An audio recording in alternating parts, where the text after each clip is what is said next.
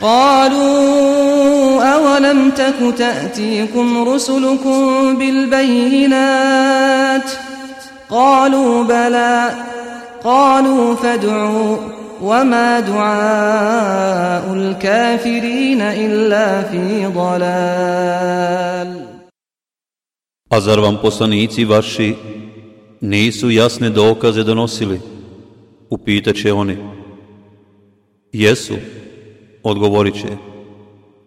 Molite onda vi, reći će oni, ali će molba oni koji nisu vjerovali uzaludna biti. Kazivanje o Allahovim vjerovjesnicima. Kazivanje o Isau, alaihisselam. Kur'ansko kazivanje o Isau, alaihisselam, spomenuto je u surama Al-Imran, En-Nisa, El-Maide, El-Araf, Merijem i El-Enbija. U skladu sa ajetima, hadisima poslanika Muhammeda sallallahu alaihi wasallam, predajama od ashaba, kao i nekim israelijatima, navest ćemo ovo interesantno kazivanje. Isa a.s. je sin Merijemin, ona je kćer Imrana, a on je po silaznoj muškoj lozi šestnaesti potomak Davuda, i Uzvišeni Allah je po Merijemi nazvao jednu suru, a po Imranovoj porodici je nazvao drugu suru u Kur'anu. Bez sumnje, to je jedna od najodabranijih porodica u čovječanstvu. Uzvišeni Allah kaže Allah je odabrao Adema i Nuha i Ibrahimovu porodicu i Imranovu porodicu nad ostalim svijetom. Sve porod jedan od drugog, a Allah sve čuje i sve zna. mi otac Imran je predvodio Izraelčane u namazu, a njena majka Hana bila je veoma pobožna žena. Poslanik u njihovom vremenu bio je Zekerija, i selam. Merijemina majka dugo vremena nije mogla zatrudnjeti. Jednog dana ugledala je pticu kako hrani svoje mladunče, te je poželjela imati dijete, zavjetujući se Allahu uzvišenom da će ga, ako joj ga Allah uzvišeni da, posvetiti službi u hramu u Jerusalemu. Neposredno nakon toga zatrudnjela je sa Merijemom. Uzvišeni Allah kaže kada Imranova žena reče, gospodaru moj, ovo što je u stomaku mome, ja zavjetujem samo na službu tebi, pa primi od mene, jer ti doista sve čuješ i znaš. Poslije ona, kad je rodila, reče, gospodaru moj, rodila sam žensko, a Allah dobro zna šta je rodila, a žensko nije kao muško, Nadjela sam joj ime Merijem, ja nju i porod njezin stavljam pod tvoje okrilje od prokletog šeitana. Ima Ahmed prenosi od Ebu Hureyre, radi Allahu anhu, da je Allahu poslanik sallallahu alaihi vasallam rekao Svako tek rođeno dijete šeitan udari u bokove. Jedino to nije uradio Merijemi i njenom sinu. Zar niste vidjeli kako dijete vrišti kad se rodi? ashabi su rekli, vidjeli smo Allahu poslaniče, a on je rekao, to je zbog toga što ga šeitan udari u bokove. Merjemina majka je Merjemu nakon perioda dojenja i brige o njoj u početnom dobu života umotala u pelene i odnijela u hram, te je predala vjernicima koji su tamo klanjali. Pošto je ona bila kćerka njihovog uglednika, koji ih je predvodio u namazu, Izraelčani su se počeli utrkivati u tome ko će je uzeti i o njoj se brinuti. Oni su se zbog toga čak i posvađali. i selam je htio da je zadrži kod sebe, jer joj je njegova žena bila tetka po majci. Međutim, ostali nisu na to pristali, nego su zatražili da se baci kocka. Allah uzvišen je htio da kocka padne na Zakarija alaihi selam. Zakarija alihi salam joj je u hramu odredio posebno mjesto, gdje je samo ona ulazila. Tu je činila i badet. Kad bi na nju došao red, obavljala bi redovne poslove, kao što je čuvanje ključa i otvaranje hrama. Počeli su joj se dešavati kerameti, na kojima joj je čak i Zakarija alihi pozavidio. Zakarija alihi salam bi u njenom kutku, gdje je činila i badete, zaticao svega i svačaga. Čak je i ljetno voće kod nje zaticao zimi i zimsko voće ljeti. Uzvišeni Allah kaže I gospodar njezin primi je lijepo i učini da izraste lijepo i da se o njoj brine Zekerija. Kad god bio je Zekerija u hram ušao, kod nje bi hrane našao. Odakle ti ovo, o Merijem? On bi upitao, a ona bi odgovorila. Od Allaha, Allah onoga koga on hoće, bez računa obskrbljuje. Meleki su joj dolazili i donosili radosnu vijest, da ju je Allah uzvišeni odabrao nad ostalim ženama. Uzvišeni Allah kaže. I kada Meleki rekoše, O Merijem, tebe je Allah odabrao i čistom stvorio, i boljom od svih žena na svijetu učinio. O Merijem, budi poslušna svome gospodaru i čini seđdu i čini ruku sa onima koji ih čine. Tirmizi prenosi od Enesa radijallahu anhu da je poslanik sallallahu alaihi vasallam rekao Najodabranije žene svih vremena su Merijem, kćerka Imranova, Asija, žena Faraonova, Hatidža, kćerka Huvejlida i Fatima, kćerka Allahovog poslanika, Muhammeda. Buharija i Muslim prenosi od Alije, radi Allahu Anhu, da je poslanik sallallahu alihi vasallam rekao Najbolja žena od svih je Merijem, kćerka Imranova. Sa svojih već 13-14 godina bila je toliko pobožna da joj u Ibadetu u to vrijeme niko nije bio ravan. Dane i noći provodila je u Ibadetu, tako da se među Izraelčanima njena pobožnost navodila kao primjer. Toliko bi stajala u namazu da su joj stopala pucala, a bila je poznata po čestitosti i lijepim moralnim osobinama. Merijem je iz hrama izlazila samo radi neophodnih poslova, donošenja hrane i vode i sl. Tako se, izašavši jednog dana, radi neke potrebe, povukla i osamila, istočno od Jerusalema, gdje je Allah uzvišeni poslao Meleka Džibrila. Tada je imala 15 godina. O tome uzvišeni Allah kaže. spomeni u knjizi Merijemu, kada se od ukućana svojih na istočnu stranu povukla i jedan zastor da se od njih zakloni uzela. Mi smo k njoj Meleka Džibrila poslali i on joj se prikazao u liku pravog muškarca. Utječem se milostivom od tebe, ako se njega bojiš, uzviknu ona. A ja sam upravo i zaslanik gospodara tvoga, reče on, da ti poklonim dječaka čista. O Merijem, Allah ti javlja radosnu vijest, od njega riječ. Ime će mu biti Mesih, Isa, sin Merjemin, bit će viđen i na ovome i na onome svijetu, i jedan od Allahu bliskih. On će govoriti ljudima još u kolijevci, a i kao odrastao, i bit će čestit. On reče, gospodaru moj, kako ću imati dijete, kad me nijedan muškarac nije ni dodirnuo? Eto tako, reče, Allah stvara što On hoće. Kada nešto odluči, On samo zato rekne budi i ono bude. I poučit će ga knjizi i mudrosti i Tevratu i Inđilu i poslati ga kao poslanika potomcima Israilovim.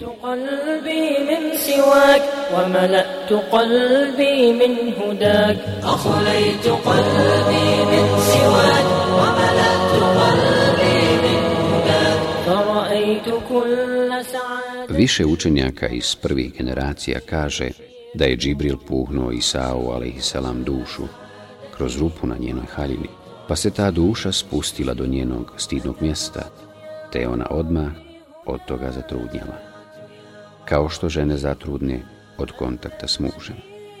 Znala je da će naići na veliko iskušenje i da će je svijet, ne znajući o čemu se radi, bez razmišljanja optužiti, bez obzira na to što je bila veoma pobožna djevojka i bez obzira što je bila iz veoma pobožne kuće. Vehm ibn Munebih kaže, kada su se na njoj pojavili znaci trudnoće, Prvi koji je to primijetio bio je njen Dajđić po imenu Jusuf i Jakub, jedan od pobožnjaka koji se nije mogao čudu načuditi, jer je dobro znao za njenu pobožnost i četnost. Primijetivši da je trudna, on joj je to jednog dana u razgovoru prebacio riječima. O Merijem, može li nići usjev bez sjemena? Može, odgovorila je. Zatim ju je upitao, Može li biti rođeno dijete bez muškarca? Može, odgovorila je. Allah je Adema stvorio i bez muškarca i bez ženska. Tada ju je pitao. Reci mi, šta se s tobom desilo? Allah me je obradovao riječu od sebe. Ime će mu biti Mesih, Isa, sin Merjemin. Biće viđen i na ovome i na onome svijetu. I jedan od Allahu bliskih. On će govoriti ljudima još u kolijevci, a i kao odrastao i bit će čestit. Također se prenosi da ju je to upitao i Zakarija, i selam, pa mu je na isti način odgovorila. Muhammed ibn Ishak kaže Među Izraelčanima se pronijela i proširila vijest da je ona trudna. Nijedna porodica nije pretrpjela ono što je pretrpjela Imranova porodica. Neki bezbožnici su je potvorili da je zgriješila sa Jusufom ibn Jakubom, koji je u hramu i badet činio u isto vrijeme kad i ona. Zato je ona napustila Jerusalem i udaljila se od njih.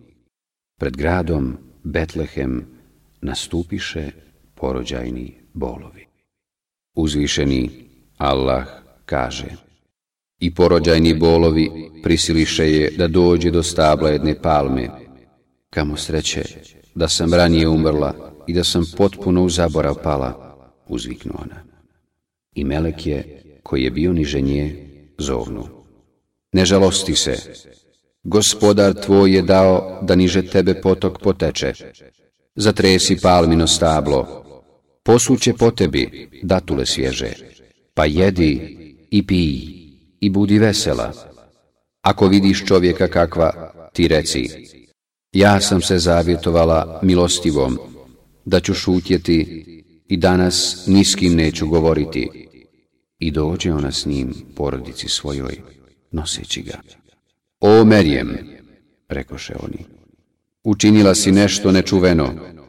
Ej ti, koja u čednosti ličiš svome bratu Harunu, otac ti nije bio nevaljao, a mati tvoja nije bila nevaljala, a ona im na njega pokaza. Kako da govorimo djetetu u Bešici, rekoše. Ja sam Allahov rob, ono reče. Meni će on knjigu dati i vjerovjesnikome učiniti i učinit će me gdje god budem blagoslovljenim i naredit će mi da dok sam živ namaz obavljam i zekat dajem i da majci svojoj dobar budem, a neće mi dopustiti da budem drzak i nepristojan. I neka je mir nadamnom na dan kada sam rođen i na dan kada budem umro i na dan kada budem iz mrtvih ustao. Ovo su bile prve riječi koje je Isa a.s. izgovorio. Ovim je potvrdio da je Allah uzvišen jedini Bog i da je On samo njegov rob i poslanik i sin njegove robinje. Ovim je u lažu tjera one koji će kasnije tvrditi da je on Bog ili sin Boži. Allah, uzvišeni, nakon iznošenja kazivanja o stvaranju Isa alaihi kaže To je Isa, sin Merjemin, to je prava riječ istine o njemu. Onaj u koga oni sumnjaju. Nezamislivo je da Allah ima dijete. Hvaljen neka je on. Kada nešto odluči, on zato rekne samo budi i ono bude. Allah je u istinu i moj i vaš gospodar, zato samo njega obožavajte. To je pravi put i sljedbenici knjige su se o njemu u mišljenju podvojili, pa teško onima koji ne vjeruju, kada budu na danu velikom prisutni. Isa a.s. je još u djetinstvu bio nadahnut od Allaha uzvišenog, pa su mu se dešavale neuobičajne stvari. To se pročulo među jevrejima, pa su ga počeli pratiti i držati na oku. Bojali su se da će on razotkriti njihove zablude i pokvarenost, Njegova majka se zbog toga zabrinula, pa ju je Allah uzvišeni nadahnuo da s njim ode u Egipat.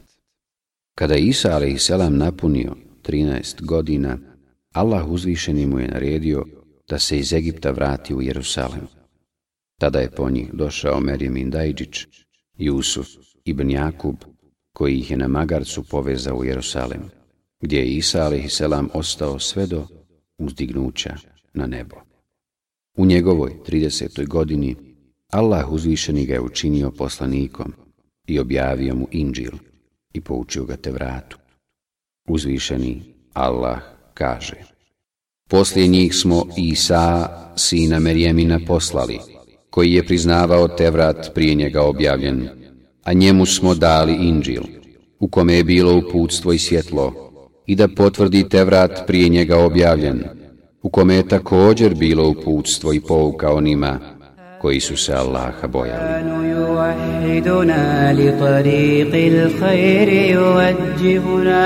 Uzvišeni Allah mu je rekao, Izraelčani će ti reći, postimo, ali nam post nije primljen, klanjamo, ali nam namazi nisu primljeni, dajemo sadaku, ali nam ona nije primljena.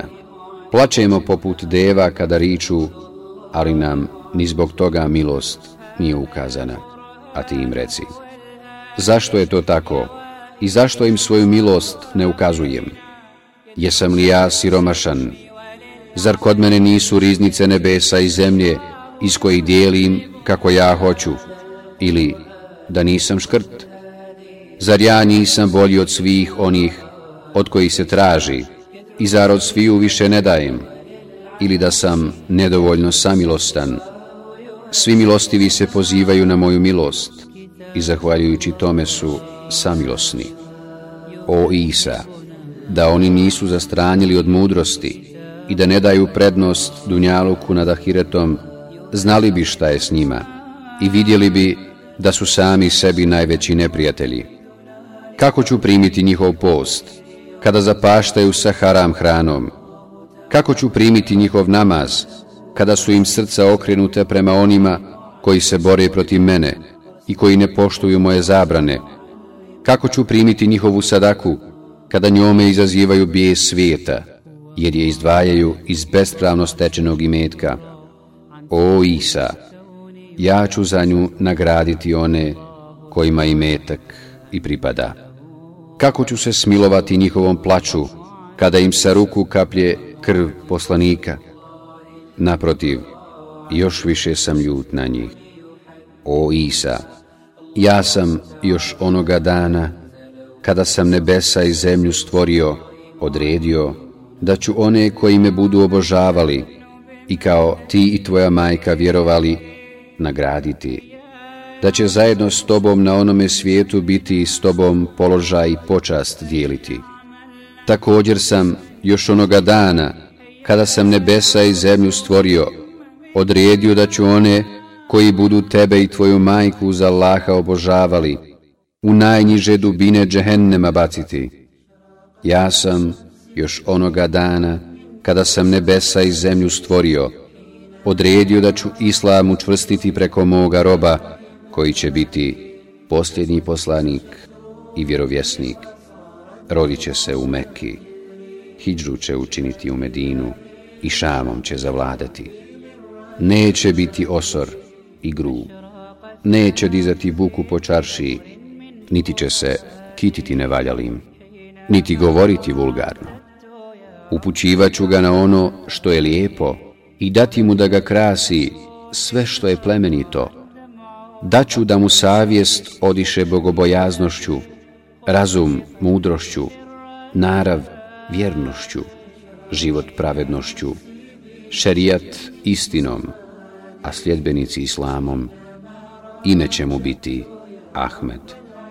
Uputit ću ga nakon što za pravi put nije znao, podariti mu znanje nakon neznanja, obogatiti nakon siromaštva i uzdići na stepen na kome nije bio. Preko njega ću upućivati druge, gluhim ušima dati da pročuju, a nemarnim i zapečačenim srcima da se otvore.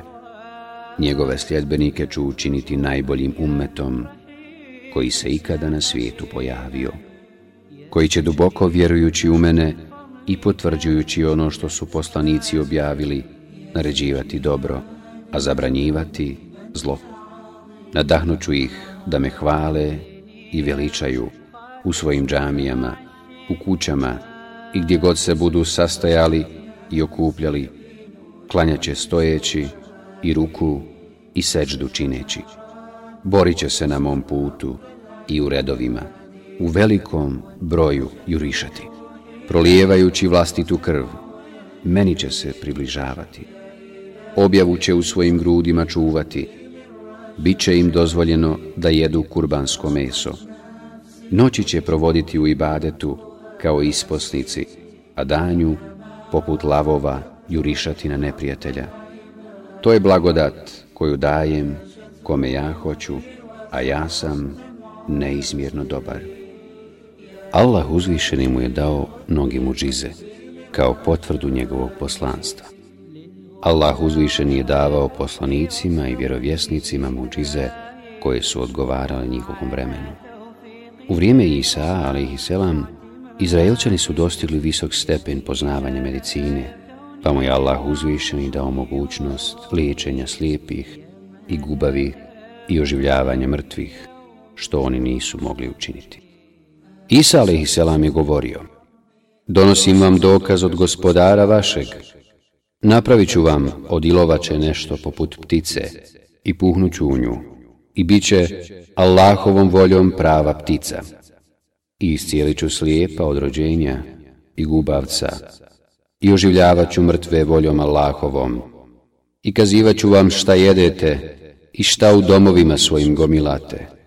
To će u istinu biti dokaz za vas ako pravi vjernici budete i da potvrdim istinitost te vrata objavljenog prije mene i da vam dopustim nešto što vam je bilo zabranjeno i donosim vam dokaz od gospodara vašeg. Zato se Allaha bojte i mene slušajte. Allah je doista i moj i vaš gospodar, pa njega obožavajte, to je pravi put. Prvi slučaj proživljenja mrtvaca desio se kad je jednog dana naišao pored jedne žene koja je sjedila pored kabura i plakala, pa je upitao, šta ti je? Umrla mi je kćerka, jedinica, pa sam se zaklila gospodaru da nija ja neću otići sa ovoga mjesta dok ne okusim smrt kao i ona ili dok mi je Allah ne proživi pa da je ponovo vidim, odgovorila je. Isa Hisala je rekao, Šta misliš ako bi je ponovo vidjela, bili otišla? Bih, odgovorila je. Isa ali selam je klanjao dva rekata, prišao mezaru, sjeo pored njega i povikao. O ti, ta i ta, ustani voljom svemoćnog Allaha. Na to se kabur zadrmao, a on ponovo povikao, pa se kabur rastavio. Zatim je zovnuo i treći put, pa je ustala otresajući prašinu s glave. Pobojala se da je to poziv za kijametski dan, pa su joj od straha osjedile kosa, obrve i trepavice. Ona se tada okrenula svojoj majci i rekla Majko, šta te je navelo pa da dva puta kušam smrtne muke? Majko, strpi se i osloni na Allaha, jer ja za ovim svijetom nemam nikakve potrebe. O Isa, zamoli gospodara da me vrati na onaj svijet i da mi olakša smrtne muke. Zatim je Isa a.s. to zatražio od gospodara, pa je ponovo umrla i u zemlju propala. Kad su to čuli, Izraelčani su još više na njega postali kivni.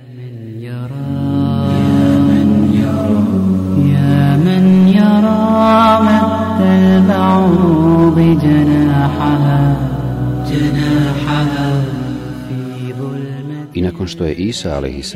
donio Izraelčanima jasne dokaze poslanstva, oni su ostali ustrajni u svome nevjerovanju i zabludi. Samo je jedna grupa dobrih ljudi stala uz njega, podržavala ga i pomagala. To su bili njegovi učenici, kojih je po jednom mišljenju bilo 12, a po drugom 17. Uzvišeni Allah kaže. A kada se Isa uvjerio da oni neće da vjeruju, uzviknuo je. Ko će biti pomagači moji na Allahovom putu? Mi, rekoše učenici. Mi ćemo biti pomagači Allahove vjere. Mi u Allaha vjerujemo, a ti budi svjedok da smo mi poslušni njemu. Gospodaru naš, mi u ono što ti objavljuješ vjerujemo i poslanika slijedimo. Zato nas upiši među vjernike. I nevjernici počeše smišljati spletke, ali ih je Allah otklonio, jer on to umije najbolje. Oni su mu pomagali i zajedno s njim prozivali Izraelčane da vjeruju u jednog Boga, Allaha uzvišenog, koji nema drugu, dijete, druga, niti suparnika. Ibn Abbas radi Allahu anhu kaže Isa je naredio učenicima da poste 30 dana. Kada su ispostili, zatražili su od Isa, da im bude spuštena sofra s neba, da s nje jedu i da im se srca smire, kao znak da im je Allah primio post. Također su htjeli da im to bude praznik, pa da toga dana, kada im prestaje post, s nje jedu i da im ta sofra bude dovoljna svima, od prvog do posljednjeg, i bogatim i siromašnim. Isa ih je počeo savjetovati da od tog zahtjeva odusta, bojeći se da nisu sve ispunili kako treba i da neće biti zahvalni kako treba. Međutim, oni su bili uporni da on zamoli Allaha da im to da. Vidjevši da ne odustaju, on je na mjestu gdje je klanjao, mirno stao, oborio glavu, zaplakao, te skrušeno zamolio Allaha da im da to što su tražili. Na to je Allah, na očigled svijeta, spustio sofru s neba. Pojavila se između dva oblaka i malo pomalo približavala se.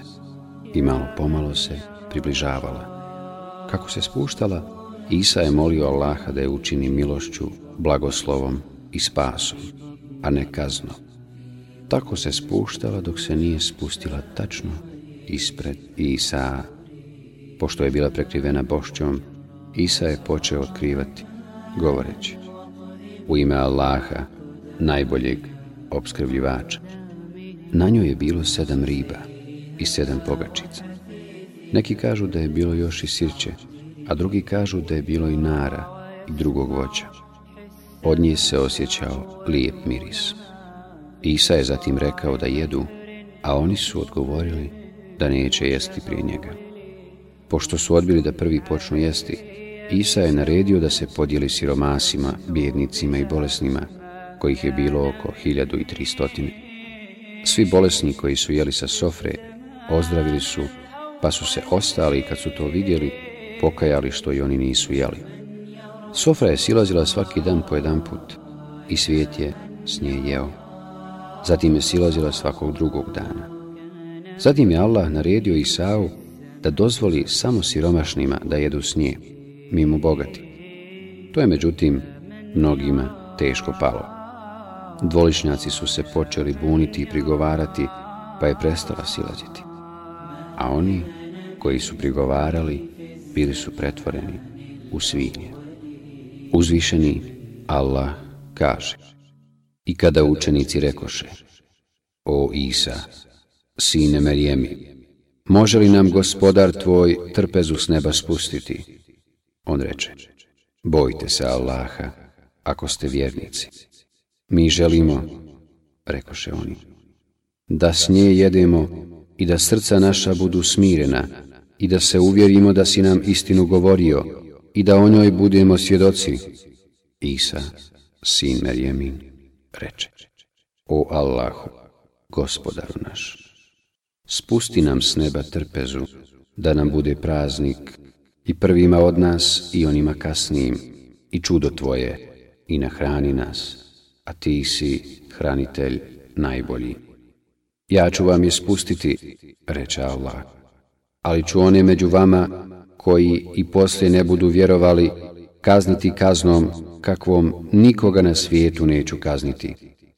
Neki učenjaci zastupaju stav da ova sofra uopće nije bila spuštena i da su Isaovi, ali i selam učenici, kada im je prenio Allahove riječi. Ja ću vam je spustiti, ali ću one među vama, koji i poslije ne budu vjerovali, kazniti kaznom kakvom nikoga na svijetu neću kazniti. Odustali od zahtjeva. Isa selam nije imao svoje kuće. Putovao je po zemlji bez stalnog mjesta prebivališta i boravka. Nosio je odjeću od kostrijeti i jeo lišće s Nije imao porodice ni metka. Jeo je od zarade svoje majke, koja je prelavu.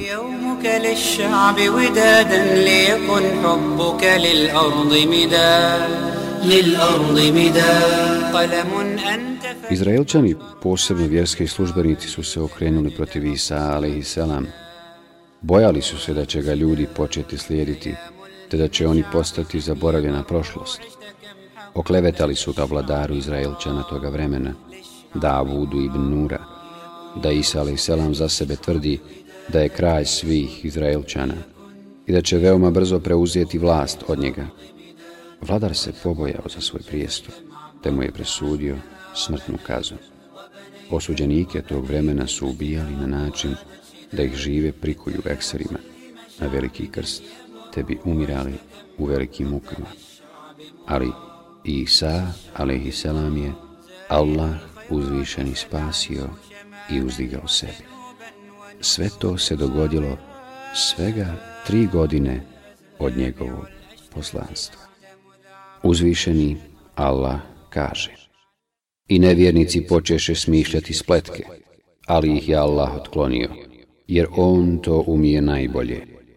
I kada Allah reče, O Isa, dušu ću ti uzeti, uspavati te i k sebi te uzdignuti i spasit ću te od nevjernika i učinit ću da tvoji sljedbenici budu iznad nevjernika, sve do smaka svijet. Meni će se poslije svi povratiti i ja ću vam o onome u čemu se niste slagali presuditi. Izraelčani su krenuli u potragu za Isaom a.s. Kada je Allah uzvišeni upoznao Isa a.s. da uskoro odlazi sa ovog svijeta, on je pozvao svoje učenike da mu dođu. Kada su mu došli, Isa a.s. im je rekao Noćas će me jedan od vas zanijekati prije nego što pijetao za kokoriče, a drugi će me jeftino prodati za nekoliko dirhema i njima se hraniti. Nakon toga oni su izašli i razišli se. Izraelčani su tragajući za njim naišli na Šemuna, jednog od Isaovih, ali i selam učenika, i rekli, on je jedan od njegovih učenika. On je to porekao rekavši, nisam ja njegov učenik, pa su ga pustili. U tom momentu je čuo pijetla kako kukuriče, pa se sjetio šta je Isa alihi selam rekao, te se rastužio i zaplakao. Toga dana Juda Iskariotski, jedan od Isaovih, ali i selam učenika, je otišao Izraelčanima i rekao Šta ćete mi dati ako vam kažem gdje je Isa? Oni su mu dali 30 dirhema, pa ih je poveo prema njemu. Ibn Ebi Hatim navodi da je Ibn Abbas radi Allahu Anhu rekao U noći kada je Allah htio podići Isa na nebo, on se u jednoj kući pojavio pred svojim učenicima. U kuću je ušao i pred njima se pojavio mokre glave, kao da je iz vode izašao, i upitao ih. Ko od vas pristaje da liči na mene i da umjesto mene bude ubijen uz obećanje da će biti na mom stepenu na budućem svijetu? Na to se javio najmlađi njegov učenik po imenu Serđus. Isa mu je rekao da sjedne, pa je primio Isao izgled a onda je Isa kroz otvor na kući, nakon što je obuhvaćen snom, uzdignut na nebo. Zatim je došla jevrejska potjera, pa su uhvatili onoga što je ličio na Isa. Konopcem su ga svezali i poveli sa sobom, govoreći mu, ti si oživljavao mrtve, rastirivao šeitane i liječio lude, pa zar ne možeš sebe spasiti od ovog konopca? Zatim su ga pljuvali i bacali na njega trnje sve dok ga nisu doveli do krsta na kojem su ga razapeli i tako ubili. Ljudi koji nisu prisustovali tom događaju sa Isaom a.s. povjerovali su jevrejima da je Isa a.s. razapet. Oni su se kasnije podijelili u tri frakcije. Jedni su govorili, među nama je bio Bog dokle je htio, pa se onda popeo na nebo. To su bili jako biti. Drugi su govorili, Među nama je bio sin Božiji, dokle je htio, pa ga je onda Bog podigao sebi. To su bili nestorijanci. Treći su govorili, među nama je bio Allahov rob i poslanik, dokle je htio, pa ga je onda Allah uzvišeni uzdigao sebi. To su bili muslimani. Prve dvije grupe su se ujedinile protiv muslimana i pobile ih, tako da pravog islama nije bilo sve dok Allah uzvišeni nije poslao Muhammeda sallallahu alaihi wasallam. Isa alaihi salam je uzdignut kada je imao 33 godine, a Merijem je poslije uzdignuća Isa alaihi salam živjela još pet godina i umrla u 53. godini života. Nakon što su Izraelčani razapjeli onog čovjeka, oni su ga bacili zajedno s krstom i taj prostor odredili za mjesto gdje će se bacati smetlje, izmet, otpaci i leševi. Tako su radili sve do vremena Konstantina. Tada je nađen krst na kome je izvršeno raspeće i navodi se da bi ozdravio bilo koji bolesnik kada bi ga dodirnuo. Oni su taj koma drveta počeli držati kao svetinju, pa su ga obložili zlatom i draguljima. Od tada oni vjeruju u raspeće kao razlog ovog dolaska na ovaj svijet i krst kao simbol mučeništva. Uzvišeni Allah kaže Ali zato što su zavjet prekršili i što u Allahove dokaze nisu povjerovali, što su ni krive ni dužne vjerovjesnike ubijali i što su govorili, naša su srca okorjela, Allah im je zbog nevjerovanja njihova srca zapečatio, pa ih je samo malo vjerovalo i zbog nevjerovanja njihova, i zbog iznošenja teških kleveta protiv Merijeme, i zbog riječi njihovih. Mi smo ubili Mesiha, Isa, sina Merijemina, Allahovog poslanika, a nisu ga ubili, ni razapeli, već im se pričinilo. Oni koji su se o njemu razilazili, oni su sami o tome u bili.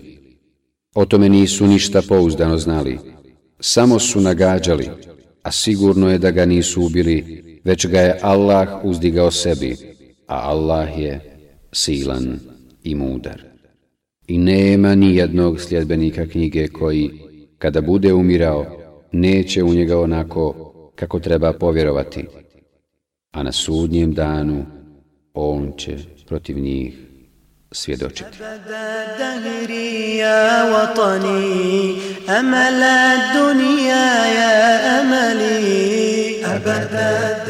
Isa a.s. će pred sami smak svijeta biti spušten na zemlju kao veliki preznak smaka svijeta. Sići će na bijelu munaru u istočnom dijelu Damaska. Ruke će držati na krilima dva meleka. Biće spušten među skupinu muslimana koju će predvoditi Mehdi. Isa a.s. će nakon spuštanja na zemlju imati posebne zadatke. Najprije će se boriti protiv Deđala i njegovih sljedbenika jevreja.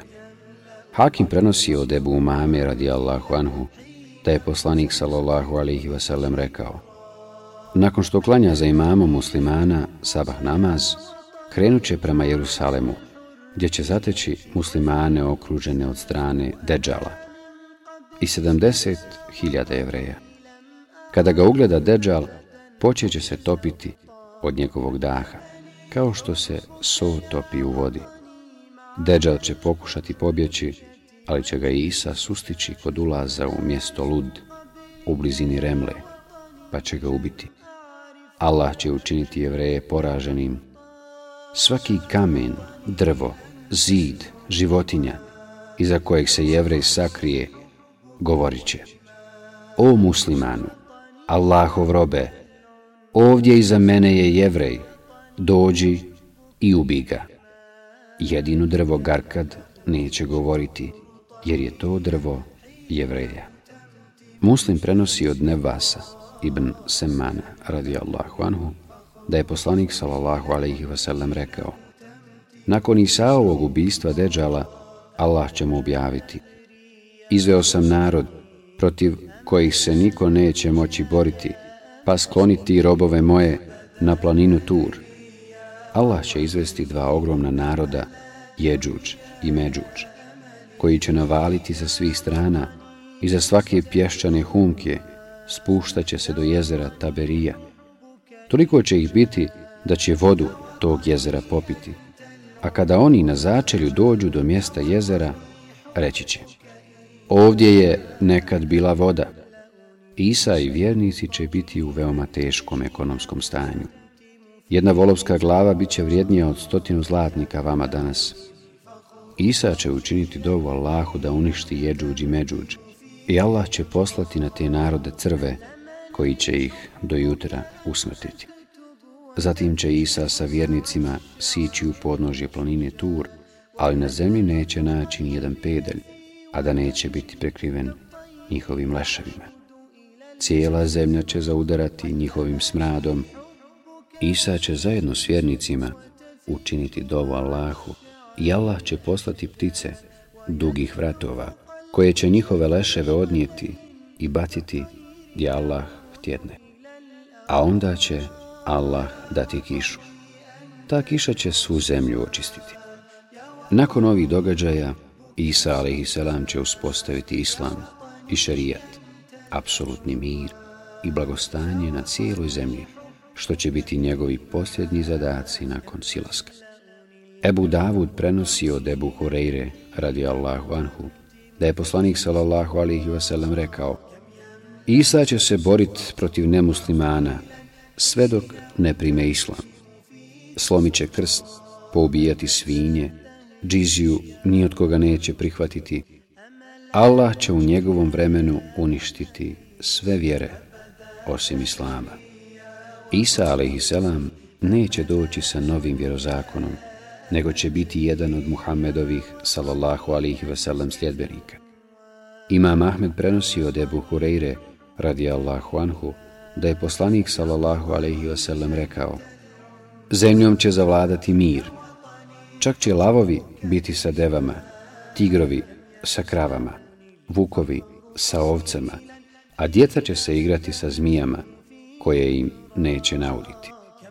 Muslim prenosi od Nevasa, radi Allahu anhu, da je poslanik sallallahu alaihi wasallam rekao Tada će se velika skupina ljudi najsti od jednog nara, i moći će stati u hladovinu njegove kore. Jedna muža deve bit će dovoljna mnogobrojnim ljudima.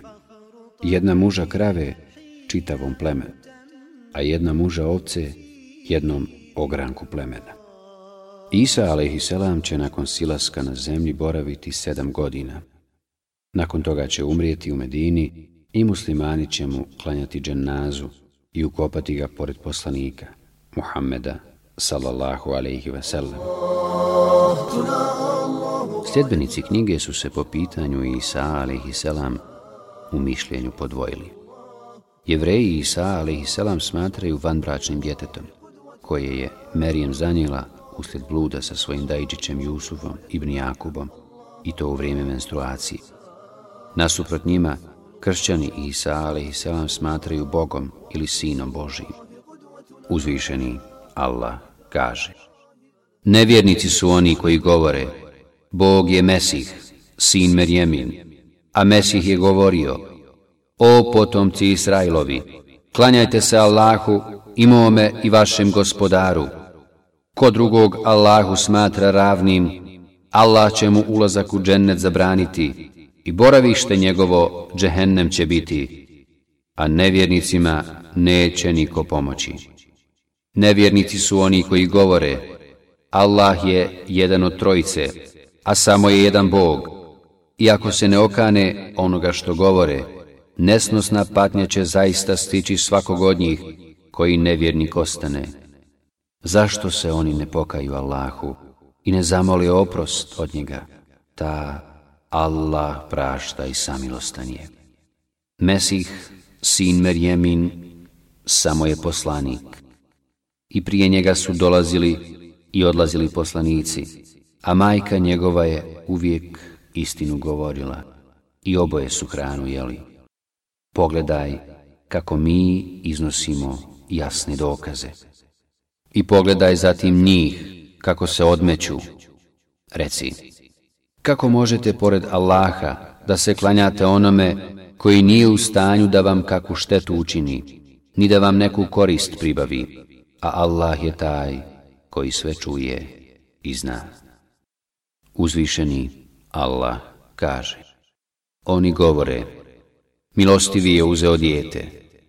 Vi doista nešto odvratno govorite. Gotovo da se nebesa raspadnu, a zemlja provali i planine zdrobe, što milostivom pripisuju dijete.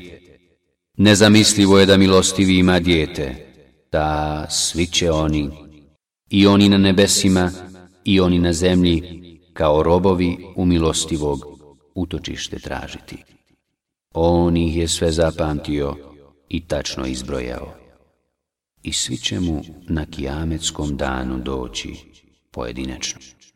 Muslimani, to jest vjernici, vjeruju da je Isa a.s.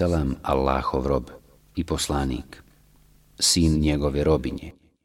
Svi koji drugačije tvrde Nevjernici su i zalutale neznalice, kojima uzvišeni, moćni, mudri i sveznajući prijeti. Pa teško onima koji ne vjeruju kada budu na danu velikom prisutni. Uzvišeni Allah kaže. Ovo što ti kazujemo jesu ajeti i Kur'an mudri. I Isao slučaj u Allaha isti kao i slučaj Ademov od zemlje ga je stvorio, a zatim rekao, budi, i on bi. Istina je od gospodara tvoga, zato ne sumnjaj. A onima koji se s tobom o njemu budu raspravljali, pošto si već pravu istinu saznao, ti reci, dođite, dođite, ćemo sinove naše i sinove vaše, i žene naše i žene vaše, a doći ćemo i mi pa ćemo se usredno pomoliti i Allahovo prokledstvo na one koji neistinu govore prizvati. To je zaista istinito kazivanje i nema Boga osim Allaha. Allah je doista silan i mudar. A ako oni glave okrenu, pa Allah sigurno dobro zna smutljice. Allah uzvišen je učinio stvaranje Isa Selam, bez oca, znamenjem i dokazom ljudima da on može stvarati što god hoće, onako kako on hoće. Allah uzvišen je Adema stvorio i bez muškarca i bez ženska. Havu je stvorio samo od muškarca, a Isa selam je stvorio samo od ženska, dok je ostale ljude stvorio i stvara od muškarca i od ženska. A Allah uzvišeni najbolje zna.